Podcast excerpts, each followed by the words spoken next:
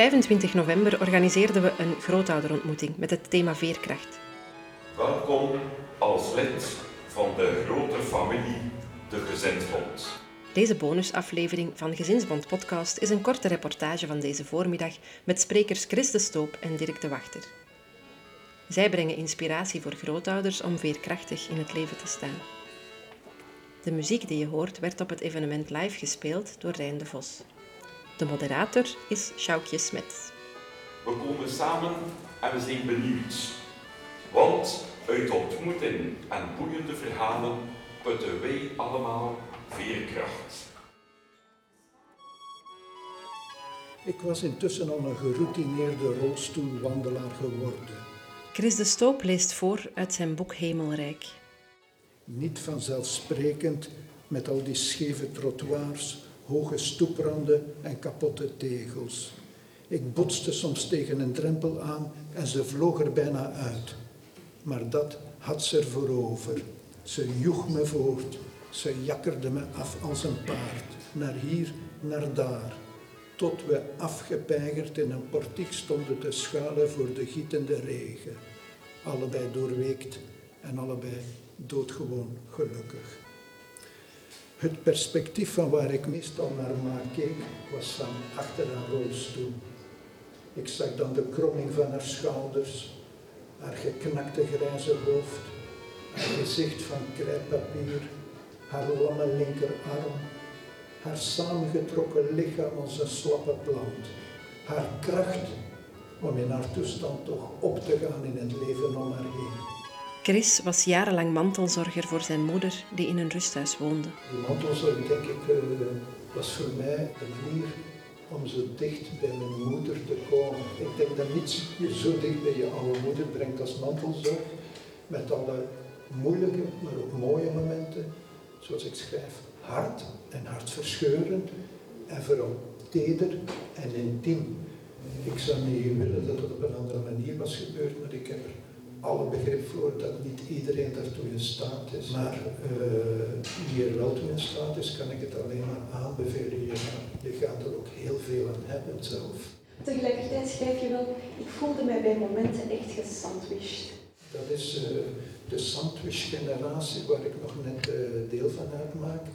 Dus met kinderen die nog niet het huis uit waren, toch zeker niet toen ik eraan begon. En uh, anderzijds de zorg voor een uh, stokoude moeder. En je zit daartussen gesandwiched op een of andere manier. Het is een overvol leven, ongelooflijk druk, met intense momenten langs beide kanten. En dus dat heeft een tol. Maar zeker ook zijn mooie kanten. Op een gegeven moment was er een scène waar ik dacht, hier is er weer eventjes geknapt bij Chris. Dat is, je gaat met uh, een kerstmaal, denk ik dat het was, ja. met konijn naar haar, met de beste bedoelingen. Ja. Wat gebeurt er dan? Dat ontaart uh, tot een uh, ruzie, zoals meerdere keren is gebeurd. En dat zal elke mantelzorger herkennen. De zorg is jou te veel. De reactie, dus in dit geval één grote scheldpartij. Uh, het was misschien ook de eerste keer dat ze niet meer uh, kerstmis kon meemaken bij ons in de familie. Uh, en dan heb ik echt de rolstoel op slot gezet en ben ik weggelopen. En dan heb je natuurlijk de hele week ongelooflijke schuldgevoelens. Maar dat hoort er ergens bij. je bent echt eerlijk, oprecht tegen elkaar. Als ze zich slecht voelden, kwaad was, dan kon ze dat ook uiten. Ze moest zich niet inhouden vanuit het idee, ik moet mijn zoon dankbaar zijn omdat hij voor me zorgt of zo. En hoe stap je dan dat schuldgevoel en vind je die veerkrachtig? Niet alles is uh, amusement in het leven, toch niet in mijn leven. Uh, ik uh, ben bereid om een opgave op mij te nemen, wetende dat ik daar heel veel aan zal hebben in de loop van mijn leven. Ik heb het ook verwerkt in mijn boeken. Uh, dat is een, ieder doet dat op zijn eigen manier en een schrijver als schrijvend. En uh, dat geeft je dan zeker het gevoel dat hij hele lange weg die je samen met je moeder hebt doorgemaakt, dat die niet voor niets is geweest, dat veel andere mensen daar iets aan hebben, dat het iets betekend heeft. Na het gesprek met Chris volgde er een korte pauze. We spreken hier opnieuw om 5 na 12 voor het interview met Dirk de Wachter. Tot zometeen en geniet ervan. Dirk de Wachter startte het gesprek met een oproep om elkaar deze namiddag bij thuiskomst eens goed vast te pakken. We hebben de verbinding met anderen nodig. Het, het met elkaar in, in connectie zijn is essentieel voor het menselijk verschijnsel. Dus, het is niet zomaar een soort luxe of zo, het is om, om te bestaan. Dat is filosofisch, kun je dat uh, gronden. Hè? We zijn in de blik van de ander. Dat is Levinas. Dus ik ben maar nu hier, ik ben, omdat hier een publiek is dat mij ziet en hoort. Daarom ben ik. Dirk heeft een moeilijk jaar achter de rug. Zijn kleinkind was een grote troost. Kijk, dat, dus dat, dat kindje was al geboren voor ik ziek ben geworden. Dus, dus nu heb ik dat heel erg ondervonden. Dirk had als kind onkels die priester waren. Hij wist dat kinderen krijgen dus geen must is voor een gelukkig leven. Maar eens hij kinderen had, waren zij alles voor hem. Dat kleinkind is van een andere orde. Op een of andere manier is dat, omdat je ouder wordt waarschijnlijk, is dat een soort perspectief dat nog veel existentieel noodzakelijker wordt. Dat is heel raar. Allee, zo, bij mij was het zo.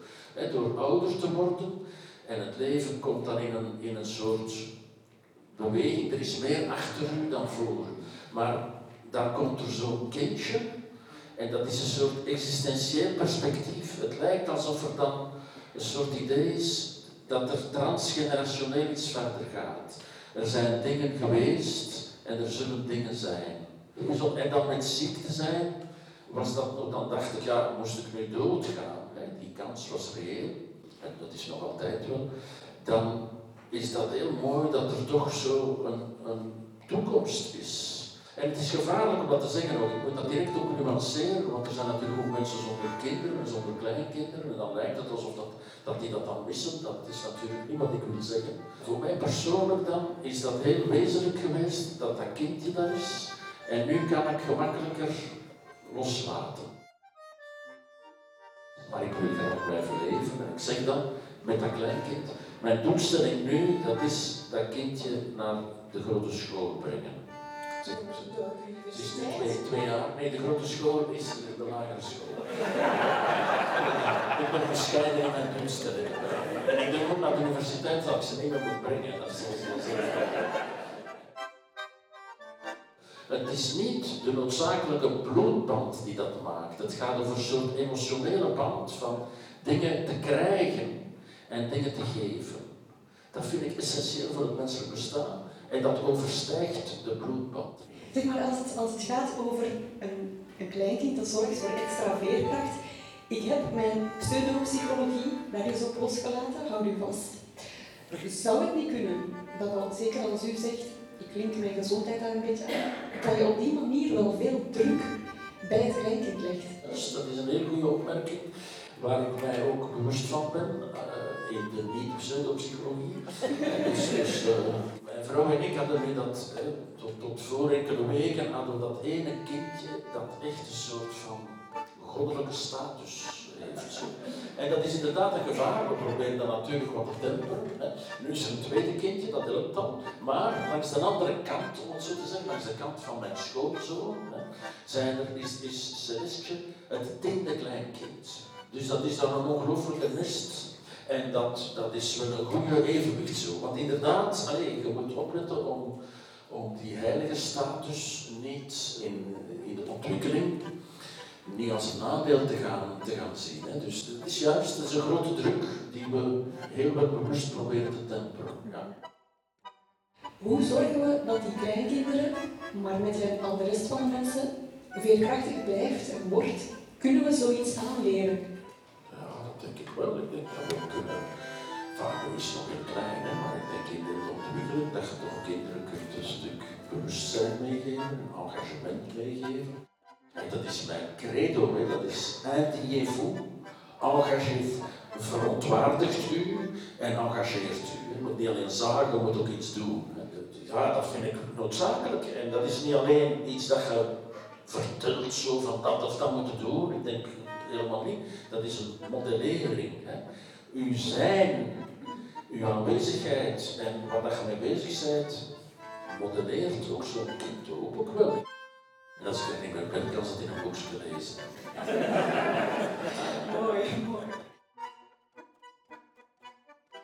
Ik las dat u in het verleden twee dingen hebt gezegd over dat zagen. En ik wilde toch echt weten wat het is. Ik wil dat straks mee naar huis nemen. Dat enerzijds zegt u, zaag niet, dat is slecht voor uw gezondheid. Anderzijds hebt u wel eens gezegd, leg u erbij neer, maar zaag. Dirk? Wat is dit? Ja, ja, maar dat is wederom zeer scherpzinnig gezien. Als psychiater is de waarheid altijd gelaagd, complex en paradoxaal. Dat is altijd zo. Dat ik zit heel erg in die subjectieve werkelijkheid van de mensen. Dus ik vind eigenlijk dat een beetje zagen soms goed kan doen. Maar het moet er nou wel af en dan moet je na verloop van tijd weer iets gaan doen. Dat is eigenlijk de doelstelling. Maar, dus als je zegt niet zagen, dan heeft het gevaar dat je alles gaat inslikken. En, en dat je er ziek van zou worden. Dus ik vind het zagen, dus namelijk ja, de, uw, ongemakkelijkheid uiten, eigenlijk een goede zaak. Ik vind dat als mensen zich niet goed voelen, dat ze moeten spreken. Ik hoop dat er ook mensen zijn die dan luisteren. Dus dat vind ik goed, maar het mag daar niet bij blijven. Dus het is allebei eigenlijk. Het is goed om uw ongemakkelijkheid uit te spreken, maar het is dan ook goed om er iets mee te doen natuurlijk, om er een engagement van te maken. Om het als een soort van handschoen op te draaien en van, van de lastigheid een, een opportuniteit te maken. Dat is, dat is de kunst van het leven, is dat eigenlijk. Sjoukje merkt op dat er soms in onze samenleving toch te snel wordt gezegd dat je voort moet. En dat je niet moet blijven hangen in een moeilijke situatie. Wees maar een beetje veerkrachtig. Verman u. Eventjes flink zijn. Het komt wel goed. De kunst van het ongelukkig zijn, heel essentieel, dat is dat je daar kunt over spreken met een ander. En dat het samen ongelukkig zijn, nu zeg ik iets heel raar weer, eigenlijk een mens gelukkig maakt. Als je samen, als je aan iemand, er is iemand nabij die je graag ziet, die, die zorgzaam is, en die kan luisteren naar de lastigheden van uw leven, dat maakt beide partijen, zowel degene die luistert als degene die er iets kan van zeggen, eigenlijk gelukkig in de, in de waarachtige zin van dat woord, en niet in de hedonistische oppervlakkige zin. Voor iemand iets kunnen betekenen, is de essentie van het bestaan, denk ik. Iemand, kun, iemand kunnen beluisteren, dus iemand kunnen zijn voor iemand. Of, in het geval van de mensen miserie, zoals ik zelf in miserie heb gezeten, het gevoel dat er iemand voor u is. Dus ik, ik heb eigenlijk een heel gelukkig jaar gehad. Dat is heel, laat me zeggen, ik heb heel veel miserie gehad, echt waar hoor. Uh, echt veel miserie. Maar ik heb een gelukkig jaar gehad omdat ik zo goed omringd was. Ik heb daar heel veel chance mee. Ik weet dat dat niet voor iedereen zo is.